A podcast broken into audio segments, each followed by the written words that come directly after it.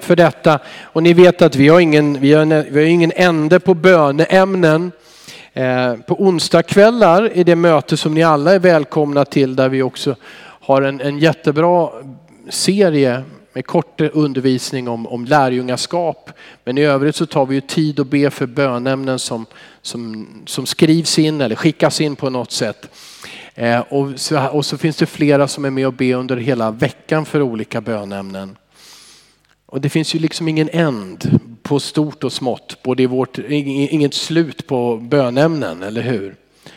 Fortsätt att be för Ukraina. Igår var det två år sedan eh, Ryssland, Putins Ryssland vill jag säga, attackerade Ukraina. Två år utav krig. Fruktansvärt.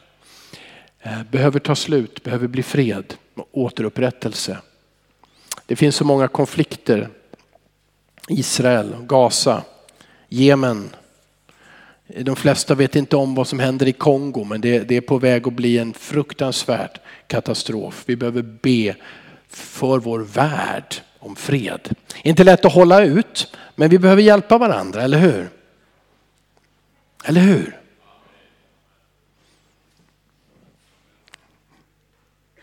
Du som är som jag, som nästan är, nästan är helfrisk och nästan inte har några problem. Har inte du och jag en kallelse att med bön och med omsorg se till dem som har det tufft?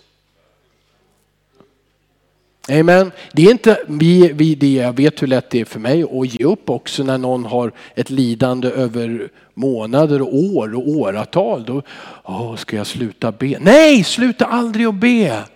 Eller hur? Och bär varandra.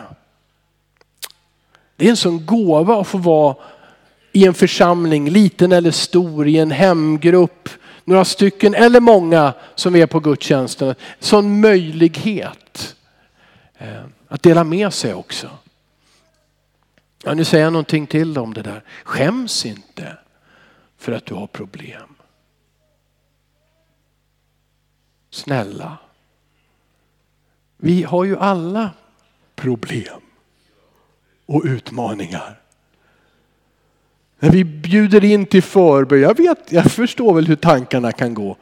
Om jag lämnar min plats och går till en förebedjare då tänker alla att jag har ett problem. Och det var väl ingen nyhet.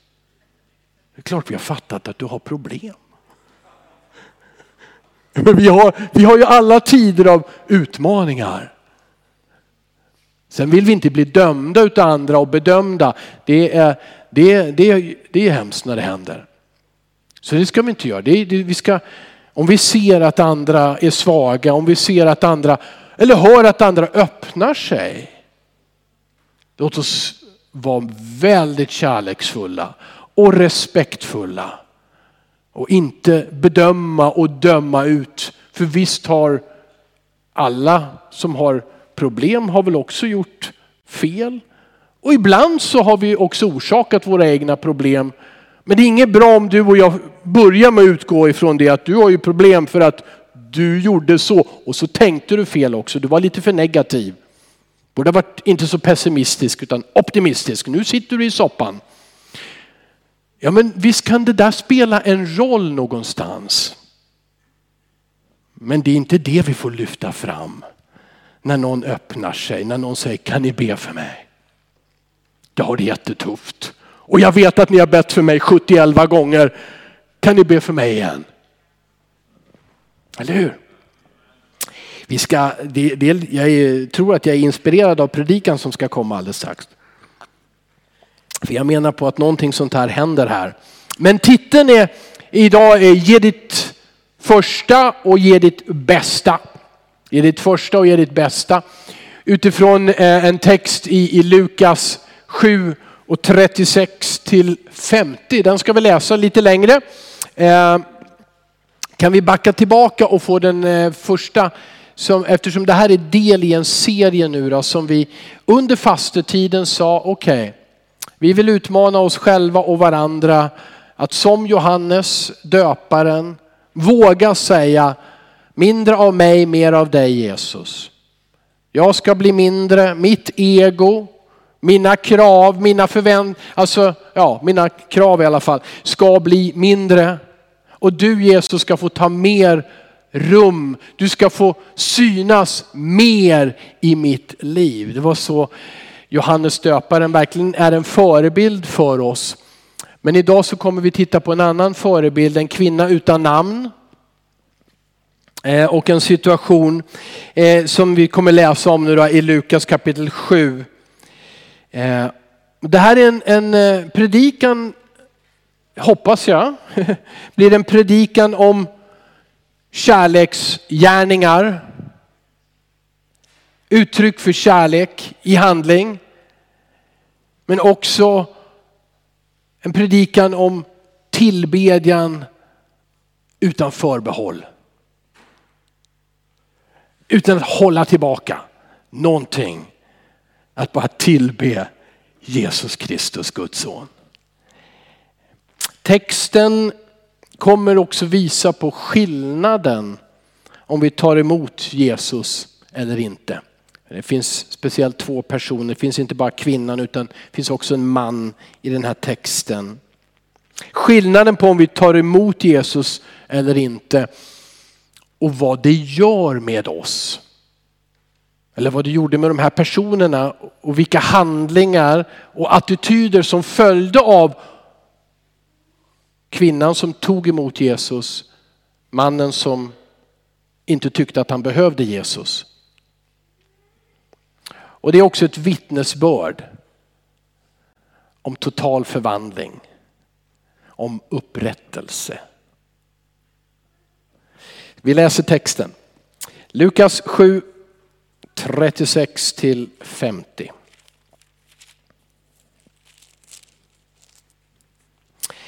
En av fariseerna bjöd hem Jesus på en måltid och han gick hem till farisén och la sig till bords. Nu fanns i staden en kvinna som var en synderska. När hon fick veta att han låg till bords i fariséns hus kom hon dit med en alabasterflaska med balsam och ställde sig bakom vid hans fötter och grät.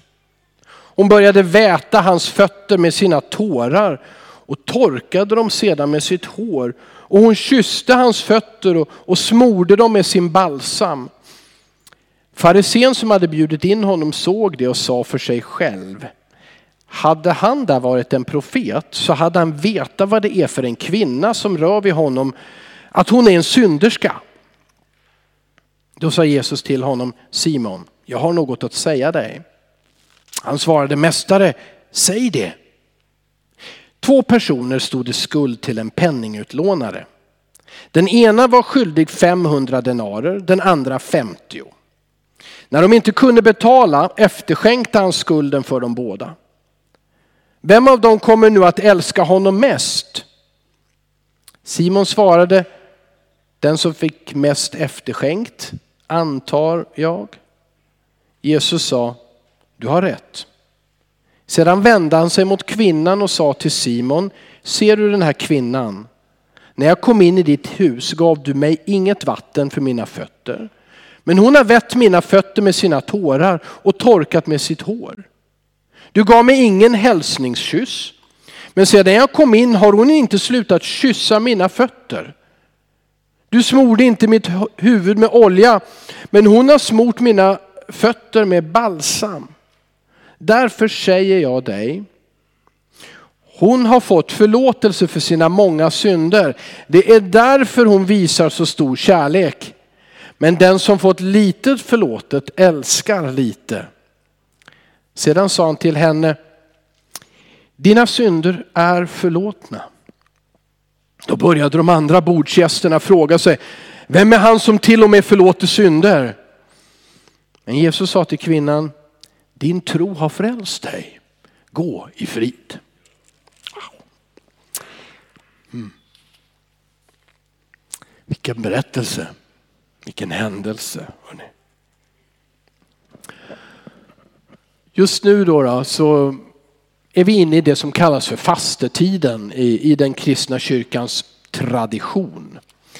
Eh, och jag tänker, vad kan vi lära ifrån den här berättelsen? Vad kan vi lära ifrån den här kvinnan?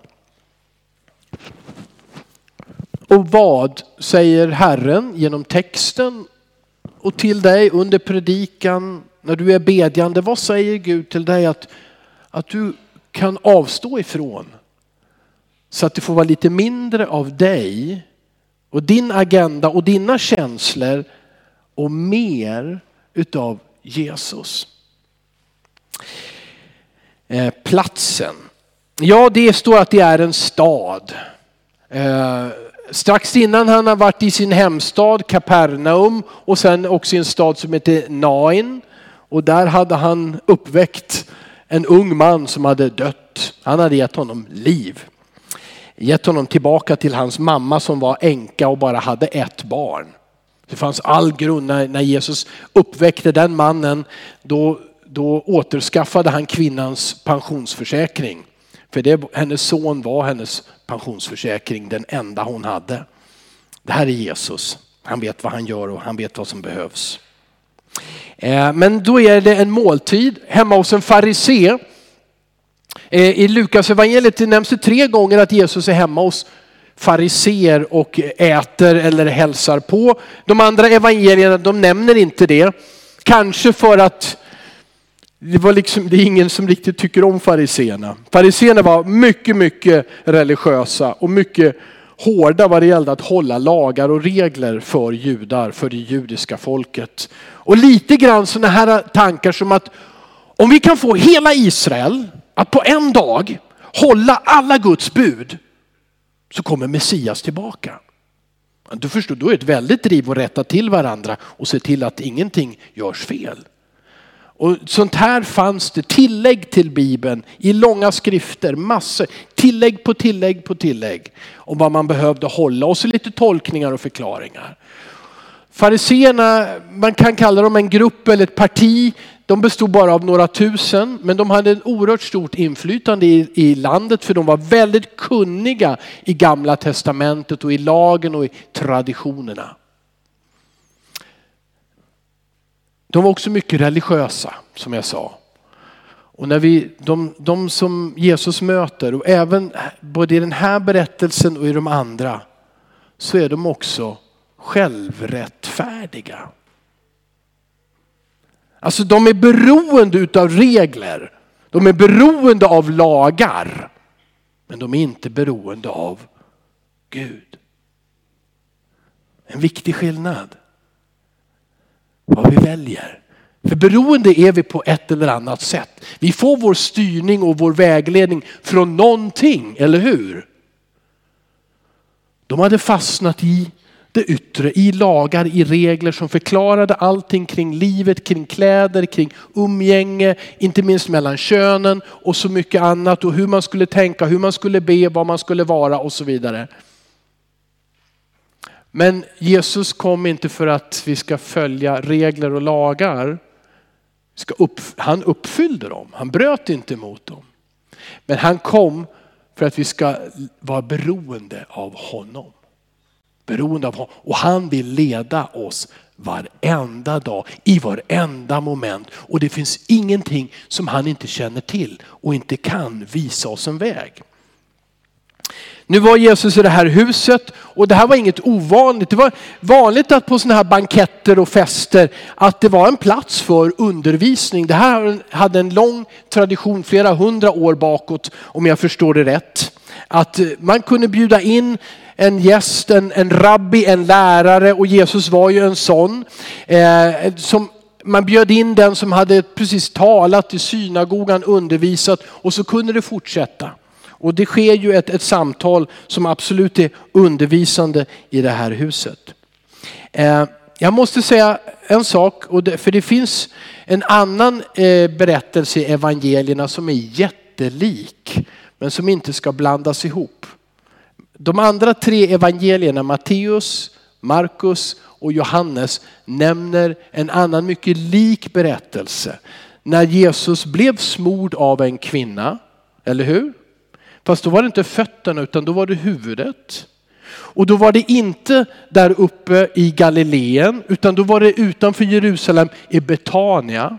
Och då var det inte en namnlös kvinna utan då var det Maria som var syster till Marta och Lazarus. Och då sa Jesus att det hon har gjort, Maria, det ska aldrig glömmas, det ska talas om tills jag kommer tillbaka. Hon har förberett mig med balsameringen för min död, för, för, för min död på korset. Men det här är en annan berättelse. Det här är två olika. Det finns likheter naturligtvis. Det är två kvinnor i båda. Den här är namnlös. Båda kommer med en liten alabasterflaska. Alabaster är ju någon slags sandsten ifrån Egypten, väldigt fint, som var väldigt vanligt att göra för, för parfymflaskor. Oerhört vanligt, alltså det finns hur mycket eh, eh, att hitta som helst om man gräver i Israel och andra länder utav de här. Små flaskor och när man bröt av den fanns det ingen kork att sätta i utan då var flaskan öppen så att säga. Ehm, och så kom, hon, kom de i båda berättelserna. Och det som är riktigt förvirrande, jag måste bara säga det också, så att ni inte är förvirrade efter det här. Det är att i båda fallen så heter männen Simon. I den här berättelsen är Simon farisén. I den andra så är det Simon den spetälske. Okej? Okay?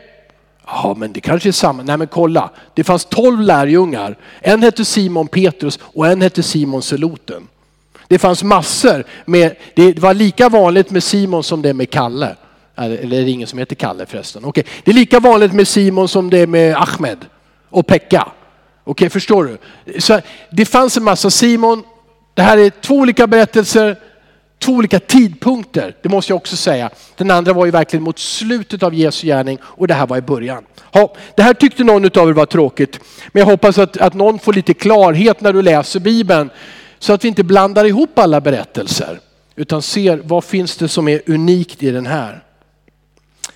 Hon ges inget namn, men det står att hon var en synderska. Hon var en synderska, harmatolos på grekiska. Och eh, när jag läser kommentarer så det finns två stycken möjligheter i princip. Det ena är, och det kanske är det troliga, att hon var någon slags prostituerad. Hon var prostituerad. Det andra är att hon bara hade ett allmänt och välkänt rykte om att vara lössläppt. Sexuellt eller med män. Så att det var, det var liksom det som, hon var stämplad, hon var brandmärkt. Det här är en synderska. Eh, och eh, någon grund fanns det naturligtvis för detta i hennes livsföring tidigare. Eh, men nu är det hon som kommer till Jesus, men jag, ja, jag, jag vill bara ge några spännande, för jag tycker sånt här är spännande. När du tar kapitel 7, och det, det förlåt, kapitelindelningen den kom ungefär tusen år efter att Bibeln skrevs. Men det är ändå spännande. För när du tittar på kapitel 7 och de berättelser och de möten som Jesus har med människor så kan du se att Jesus, han bröt om och om igen sociala tabun. Det som var en no-go, omöjlighet att vara med de här om du är en bra jude, en med en riktig tro, ett riktigt liv, en bra människa. Om du är PK så är du inte med de här. Men Jesus var det hela tiden. Och du bara säger referensen i kapitel 7, vers 1 så når han den första marginaliserade. Det är en romersk officer som har en tjänare som är sjuk. Och som han säger till Jesus, du behöver inte ens komma in i mitt hus. För jag vet att du blir oren om du kommer in i en hednings, en romares hus och dessutom en fiende. Fiende. Men Jesus helade den här mannens son och, och ärade eller hedrade hans tro. Och sa, jag har inte hittat en sån här tro i hela Israel. Det nästa som händer, det är i vers 11. Då är det den här änkan och hennes son. En marginaliserad, utsatt ekonomiskt. Står på randen av att nu finns det liksom ingen som tar hand om mig. För varje familj tar dock hand först och främst om sig själv. Men Jesus uppväcker hennes son. Sen i vers 24, då vittnar Jesus om Johannes döparen. Johannes döparen som absolut var brandmärkt religiöst. Den mannen måste vi bli av med. Hans profeterande och ledarskapet emot honom. Och till slut så blir han också arresterad av kungen och halshuggen. Men Jesus tar offentligt ställning för Johannes. Och så kommer vi fram till den här sista berättelsen nu då. Om en kvinna som är moraliskt på sidan. Det, det är liksom, med henne ska vi inte ha att göra. Men Jesus bryter sociala tabun mitt framför andra. Se de här människorna. Se på dem med kärlek och med nåd. Och det blir, leder till deras upprättelse. Det här är Jesus, det här är den Jesus. Det här är ingen sagobok förresten. Det här är historia. Det här är fakta. och så förvandlar han liv än idag. När man möter honom på olika sätt. Men när man bjuder in med honom. Han upprättar och han bryter som sagt var. Hamartia, då det var ändå så Ja men hon hade ju syndat, absolut hade hon syndat. Eh, hamartia eller hamartolos hette hon då, men hamartia som är ordet för synd, det är det vanligaste ordet för synd i nya testamentet. Och eh, i sin grund så betyder det att man förfelar ett mål. Man kastar ett spjut eller skjuter en pil mot en måltavla och man missar det. Hamartia och det ordet används för och översätts till synd. Här handlar det naturligtvis om hela vårt liv. Att det missar det mål som Gud har gett dig och mig och varje människa.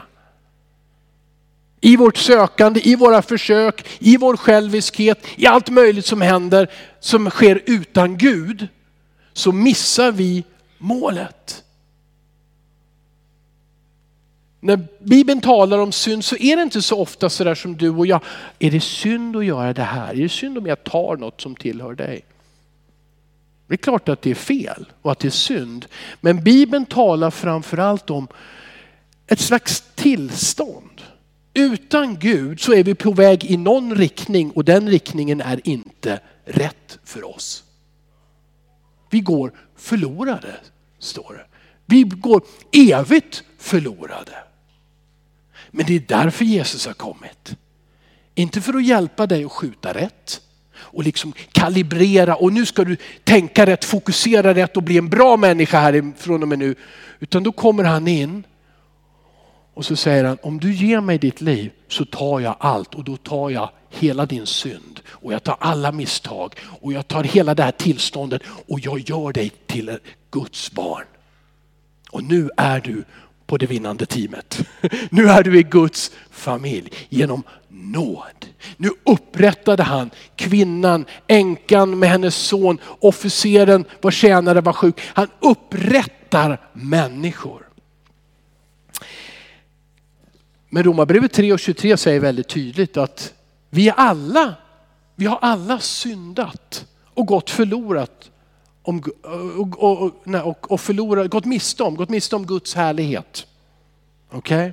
Vi har alla synd, det gäller alla människor.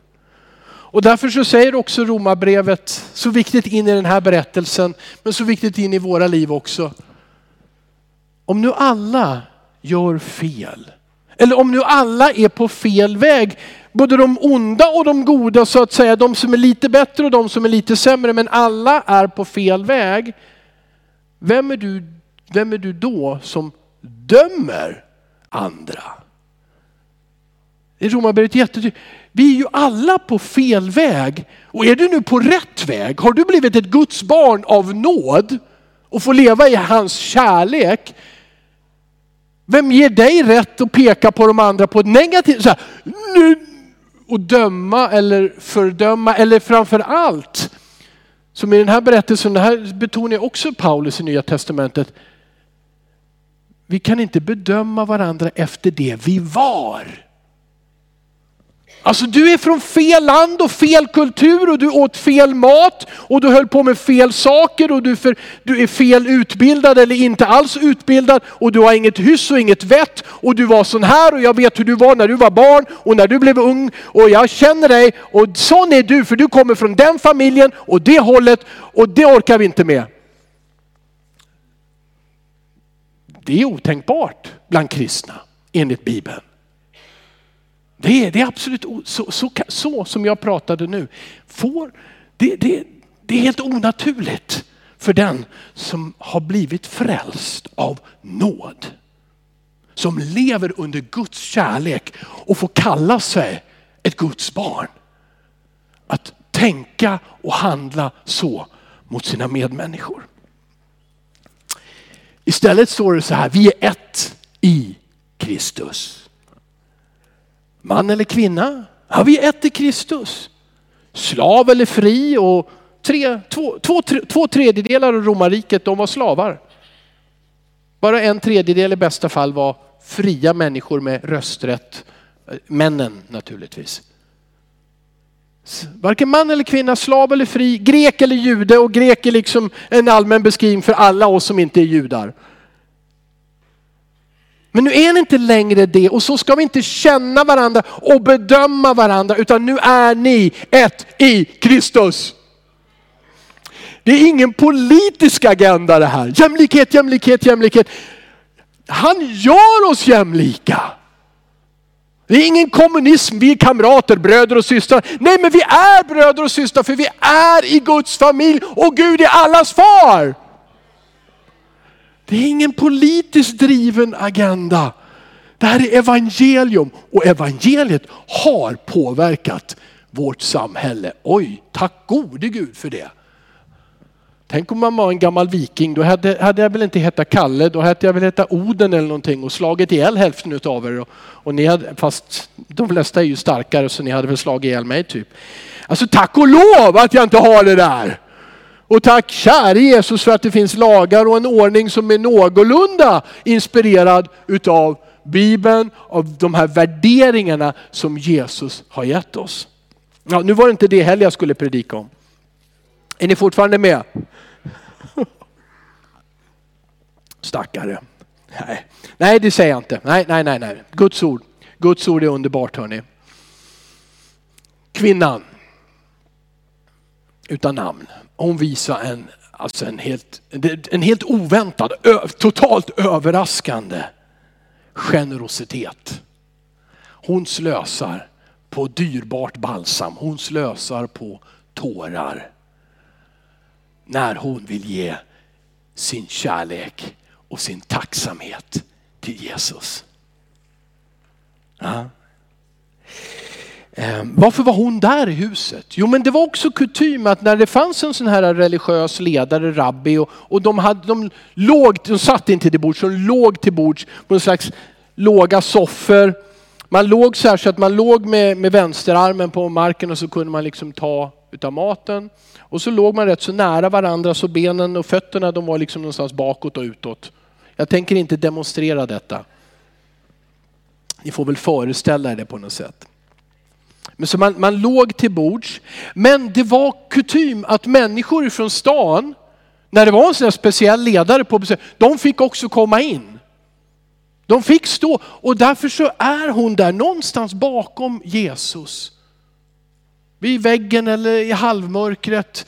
Viktigt var att hon och de andra som kom som sådana som tittade på att de var tysta och att de inte märktes. För det var de viktiga gästerna, det var de som skulle få märkas och samtala och ställa frågor. Men det var absolut genomtänkt, hon var där. Hon var där med, med ett syfte, hon visste.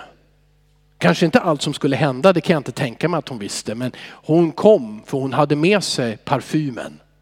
Balsamen som, som annat ställe i Bibeln visar på kostade typ, alltså det jämförs med en och en halv årslön. Så det var inte någon vilken flaska som helst. Okej, okay? det var dyrbart, det hade hon med sig. Någonting drev henne dit. Men kanske blir hon överväldigad där hon står, där bak. Inte ska synas, inte ska höras och tårarna börjar falla. Och där ligger de här och jag tror väl att det bara är män, de ligger där vid bordet. Och hon står nära Jesus och när hon gråter så någonstans så märker hon att hennes tårar de faller på Jesu fötter. Jag vet inte vad hon kände och tänkte Men de bara fortsatte. Och det står, Jesus säger så här att hon vette mina fötter. Alltså ordet i grekiskan är, det regnade.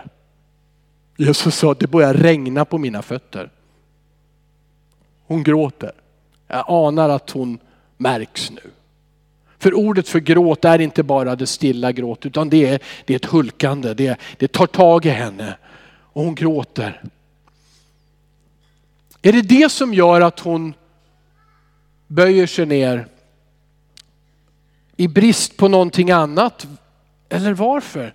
Så tar hon sitt långa utslagna hår och börjar torka hans fötter.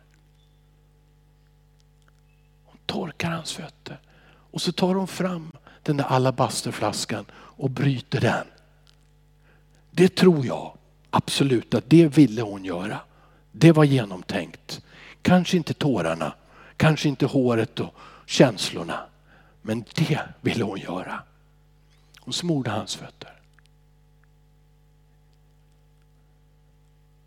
Av kärlek, säger Jesus. Eller hur? Simon han fattar inte det där. Vad är det som händer? Vad är det som händer? En synderska, en oren kvinna, en sån som vi inte beblandar oss med. Okej, okay, om hon gömmer sig i mörkret och håller tyst. Men att hon tar plats på det här sättet. Och att hon rör på Jesus vid det här sättet. Hon, som, som eventuellt var en prostituerad, känd för att vara lössläppt sexuellt. Att hon håller på sådär med Jesus. Vad är det här? Från Simons reaktion är det inte omöjligt att tänka att han äcklas av det hela, han förskräcks av det hela.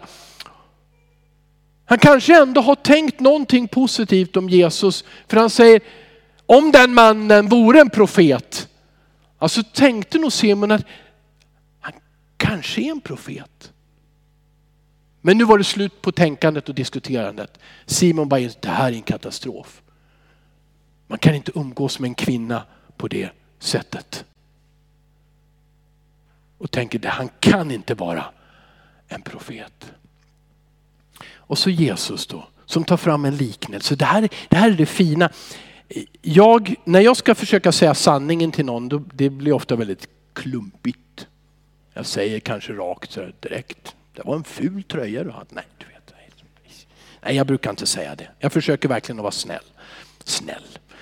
Snäll på svenska, då säger man ingenting. Eller hur? Det var ful tröja. Jag säger ingenting, säger ingenting. Du vet. Men Jesus från en annan kultur, han talar i bilder. Han använder bilder för att få fram ett budskap som är så ruggigt tydligt så det blir riktigt otäckt. Det blir precis sådär rakt och sant. Han säger Simon, jag ska säga dig något. Ja, säger Simon, varsågod. Två personer. Två stycken som behövde låna pengar. Ja, jag hänger med. Nu kan du och jag veta, Simon har inte hajat det än. Det kommer snart bli klart. Den ena personen som hade lånat pengar är en kvinna som hade en liten skuld. 50 denarer, 50 dagslöner, fast två månader utav skulder. Okej? Okay? Den andra personen i berättelsen, han heter Simon. Nej, nu gjorde jag fel. Tvärtom, eller hur? Tack. Hon är den stora synderskan. Hon är skyldig 500 dagslöner, alltså nästan ett och ett halvt år av totala skulder. Men sen den rätt så duktige Simon, han finns med i berättelsen. Han är skyldig 50. Förlåt att jag vänder på det där. Båda är skyldiga, båda har gått till en pantlånare. Lånat ut, kanske gett någonting. Ja men de är skyldiga. Och katastrof, katastrof, ingen av dem kan betala. Vi tar ingen handuppräckning på hur många här som har gett någonting till pantbanken, men du kanske har gjort det. Och vad händer om du inte kan betala? Du måste ändå betala, eller hur? Men då händer det här otroliga i Jesu berättelse att pantlånaren efterskänker bådas lån. Vad är det här för berättelse? Så här, så här kan inte bygga en samhällsekonomi på det här sättet. Att man bara ger bort. Vem ska betala det här? Jo, vem är pantutlånaren? För nu när han efterskänker de här skulderna på 50 denarer och på 500 denarer, då blir det ju hans skulder. Så vem är den tredje personen i berättelsen? Jesus. För synd och fel och brott måste alltid betalas. Eller hur? Jag kan ju inte stjäla något ifrån dig och så säger du, ja, jag låtsas att jag har en mobiltelefon från och med nu.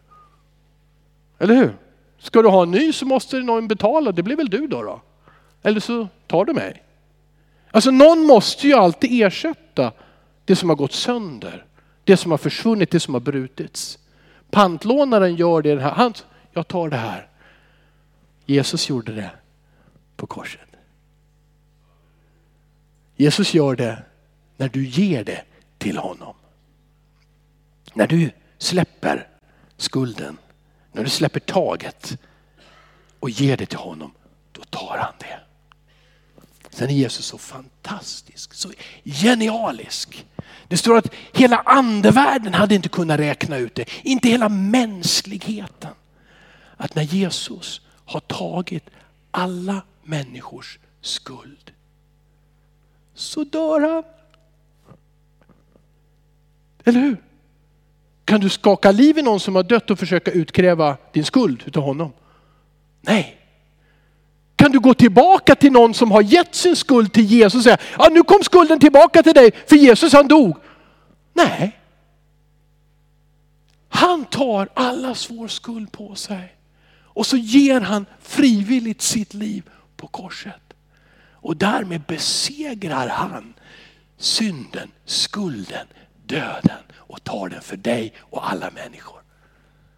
Det är så oerhört vad Jesus har gjort. Det fanns gott om skäl för den här kvinnan att inte komma till platsen och göra det hon gjorde. Men hon vägrade. Hon vägrade att låta det hindra henne. Det här gör mig avundsjuk. Hon vägrade att stanna hemma, att stanna utanför, att hålla sig vid sidan om.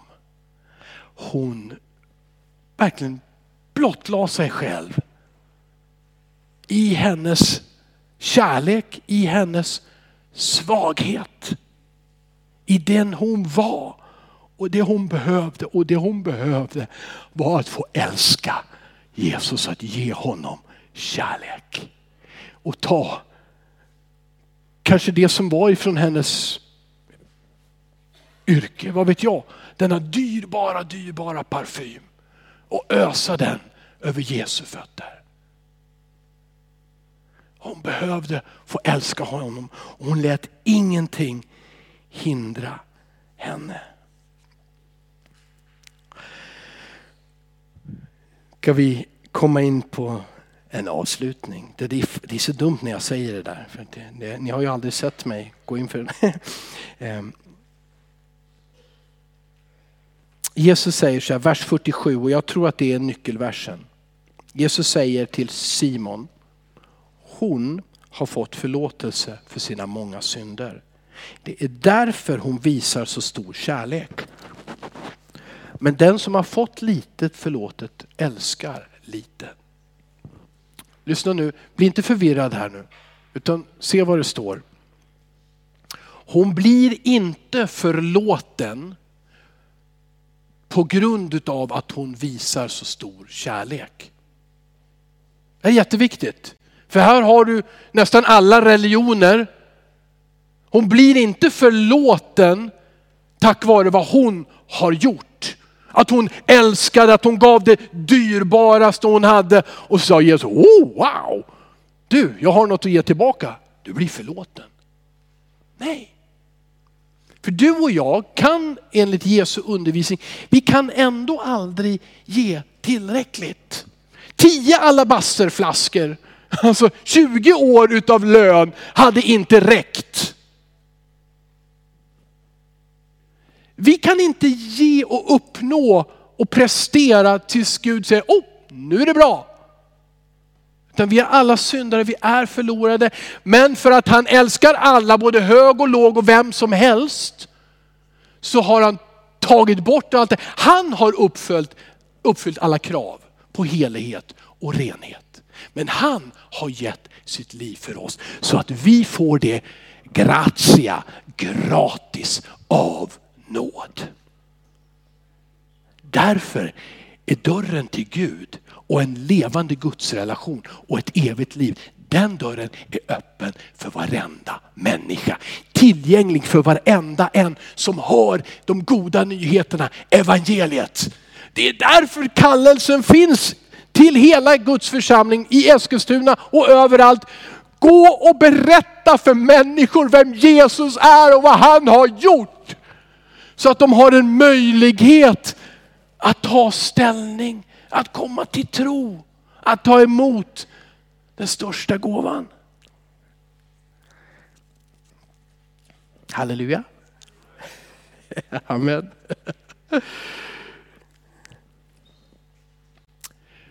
Hon gjorde det hon gjorde för att hon hade blivit förlåten.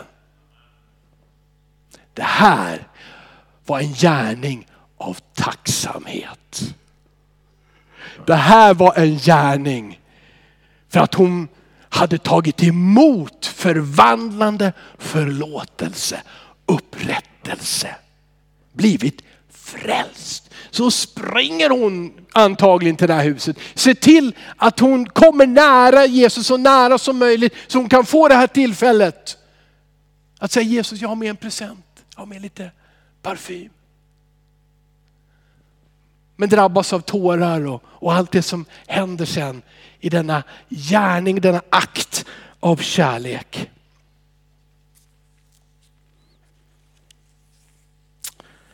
Utgivande kärlek, agape kärlek. Okej, okay. Simon. Inte Simon här, det är många Simon här också, det är kul. Simon, var han frälst? Nej, jag tror inte det. Jag tror inte det. Han trodde på något sätt på Jesus men han gav honom liksom inget vatten för hans fötter. De var ju dammiga eller geggiga från vägarna. Nej, sätt dig, lägg, sätt dig ner vid bordet Jesus. Det blev liksom ingen puss, ingen kyss, välkommen, vad roligt att du är här, välkommen, nu ska vi ha fint tillsammans. Liksom lite avstånd, lite, ja det är bra att du är här Jesus, sätt dig där. Jag vet inte det här med oljan på huvudet. Men det fanns, eh, har jag förstått, en tradition att man kunde ta en droppe olja i vatten, blanda upp det och liksom ge det som en slags parfym till gästerna. Det kanske var bra, de låg ju vid varandras fötter och nära varandra så alla får lite parfym här så, så är det ingen som lider allt för mycket. Eller hur? Det var inte vår tid med duschar och sånt där. Men eh, det har inte Simon råd med, det skippar han. Jesus behöver inte det heller. Sätt dig Jesus, lägg dig ner. Nu käkar vi. Han var inte frälst, det är väl inte så stort. Däremot så var han väldigt, han tyckte väldigt mycket om religion och han var självrättfärdig. Han var som jag sa förut oberoende av Jesus, av Gud. Han var beroende av lagar och regler. Men inte beroende av Gud och ville inte bli det heller. Tyckte det var pinsamt sånt där som höll på där. Kvinnan då? Hur var det med henne? Jesus sa, vers 48, nej vers, ja, vers 48. Han sa till henne, dina synder är förlåtna. Dina synder är förlåtna. Och så säger han en gång till till henne, din tro har frälst dig. Gå i frid. Han säger inte, jag vill betona det här igen, det är inte din kärlek har frälst dig tack vare vad du gjorde. Nej, han säger din tro har frälst dig. Och det här är genomgående hela Bibelns undervisning. Att tro på Jesu person, vem han är, vad han har gjort för oss. Amen. Det frälser oss och det förvandlar oss och ger oss ett nytt hjärta och en förmåga att älska. Och en förmåga att inte titta på den och den och fundera på det, utan älska Jesus så att det blir tillbedjan. Amen. Och vad jag älskar detta vad denna kvinna gjorde. Vad tänker du? Vad tänker du om henne? Vad tänker du om du, det hon gjorde och vad skulle du tänka om du såg någonting liknande? En människa som där håller på men du förstår inte riktigt, måste hon hålla på sådär? Vad har han för sig liksom? Kan inte vara som alla andra. Sitta still och lyssna. Uppträda fint sådär. Funka i vardagen. Sådär enkelt. Varför hålla på sådär? Prata om Jesus. Uh, jobbigt. Pinsamt. Vad tänker du om kvinnan?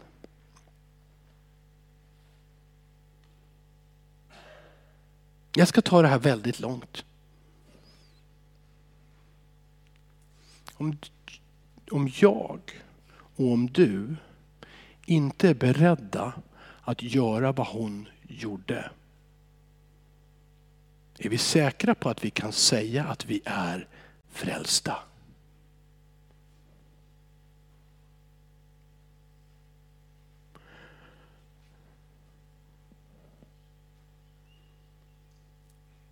Om, om, om jag har politisk korrekthet och annan rädsla och försiktighet avstår ifrån att leva i kärlek till Jesus och tillbedja honom. Om jag avstår för att det, det är massa omständigheter och det, det, det, det, det, det. Kan jag säga att jag är frälst? De frågar Jesus, vad är största budet? Ja, vad säger ni? sa Jesus. Och då sa de det, helt rätt. Att älska Herren din Gud av hela ditt hjärta, av hela din själ, av hela ditt förstånd och av all din kraft. Och att älska din nästa som dig själv. Om du uppfyller det, då har du uppfyllt hela lagen, säger Jesus. Kan du och jag avstå från något av detta? Jag älskar Jesus men jag älskar inte dig. Han doftar ju i alla fall gott. Han är enkel att ha att göra med. Förstår du? Jag menar på att det här är jätteallvarligt. Säger du, varför ska man vara frälst? Jo, för att vara frälst, det gör skillnaden på att leva i all evighet i gemenskap med Gud och uppfylla målet för ditt liv som han har. Det gör all skillnad. För det andra alternativet att inte vara frälst är att vara förlorad, att vara dömd som Bibeln säger, att hamna i helvetet, att för evig tid vara frånskild Gud. Det är det allra viktigaste för dig och mig som människa efter att vi blev skapade. Det är att vi blir frälsta av nåd. Det påverkar allting. Och när jag märker att tacksamheten sinar, det var inte så stort, jag hade väl inte syndat så mycket, jag är ju rätt så bra som människa. När jag börjar tänka så, att det inte alls rimmar med det som han har gjort för dig och mig. Eller hur?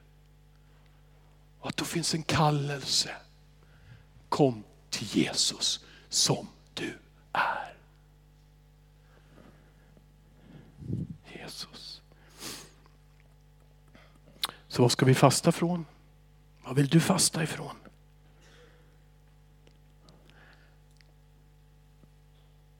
Kanske är det dags att fasta ifrån försiktighet.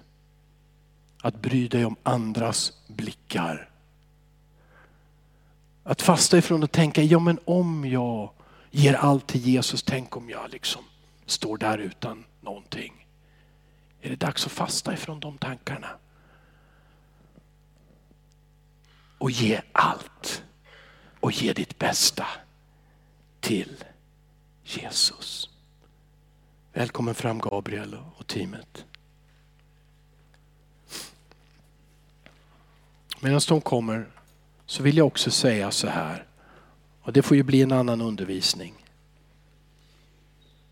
Men det finns också en trygghet en trygghet i frälsningen som är viktig att ta till sig. Jag säger det här av en speciell anledning. För när jag bjuder in ibland, eller jag gör ett upprop och säger, är det någon som vill bli frälst?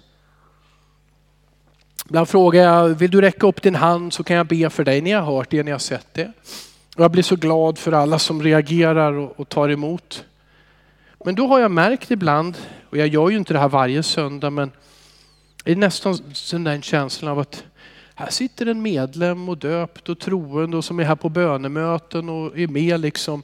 Men varje gång jag frågar vill du bli frälst? Så ja, jag vill bli frälst. Då vill jag bara säga någonting om det. Tror du, du ska inte tro, eller tror du, den här kvinnan som Jesus sa, du är frälst, gå i frid. Alltså gå tillbaka till ditt liv i din vardag. Du är frälst, du är förlåten. Tror du att hon på måndag, ah, jag vet inte vad, stämmer det där som Jesus sa igår, om det nu var en söndag, jag vet inte om det var en söndag. Stämmer det vad han sa? Eller på tisdag så upplev, såg hon en, en, snubbe och blev så frestad och föll tillbaka liksom i det gamla livet tänkte hon, Jag bara, oh, tankarna flög iväg. Jag kanske inte, är hon inte frälst då längre? Jo, jo, jo. Du förlorar inte din frälsning när du går ur genom de här dörrarna.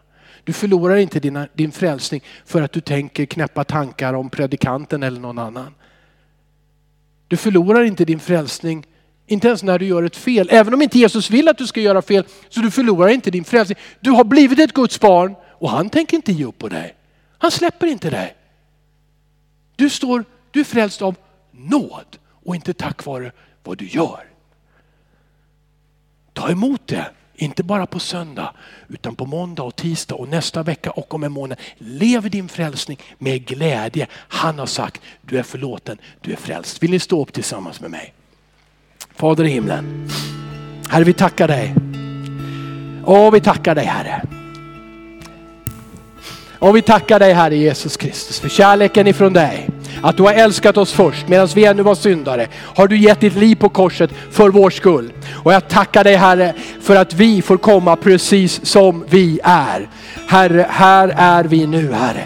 Och jag tackar dig för att du ger oss en frälsning Herre. Du gör oss till dina och du beskyddar och bevarar oss. Ja, du bär oss igenom livets prövningar och frestelser och en del misstag Herre.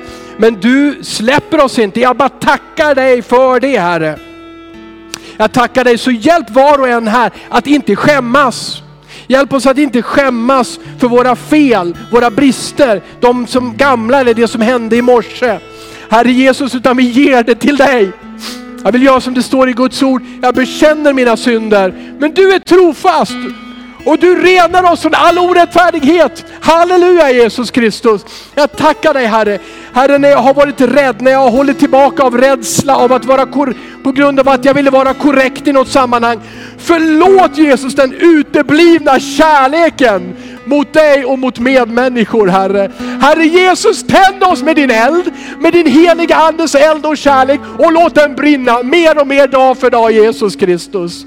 Herre, Herre, jag tackar dig. Hjälp oss Herre att avstå ifrån sånt som inte bygger upp oss själva och andra Herre Jesus. Mitt ego, min själviskhet Herre Jesus Kristus. Herre hjälp. Jag får bara stå där. Behöver den inte, finns ingen nytta utav det Herre. Men det finns en nytta av att vara frälst och ett Guds barn Herre. Och det vill vi vara Jesus Kristus. Herre jag ber eh, att din heliga Ande gör ett, ett djupt verk i allas våra hjärtan nu Herre. Alla som bjuder in dig på nytt Herre Jesus Kristus, som tar emot dig Herre. Herre jag tackar dig för att du gör ett nytt verk av kärlek, av förvandlande kraft Herre. Åh Gud du gör oss till människor som sprudlar av kärlek och tacksamhet Herre. Och som sen får stötta och hjälpa varandra Herre. Jag tackar dig Fader, i Jesu namn. Amen, amen, amen.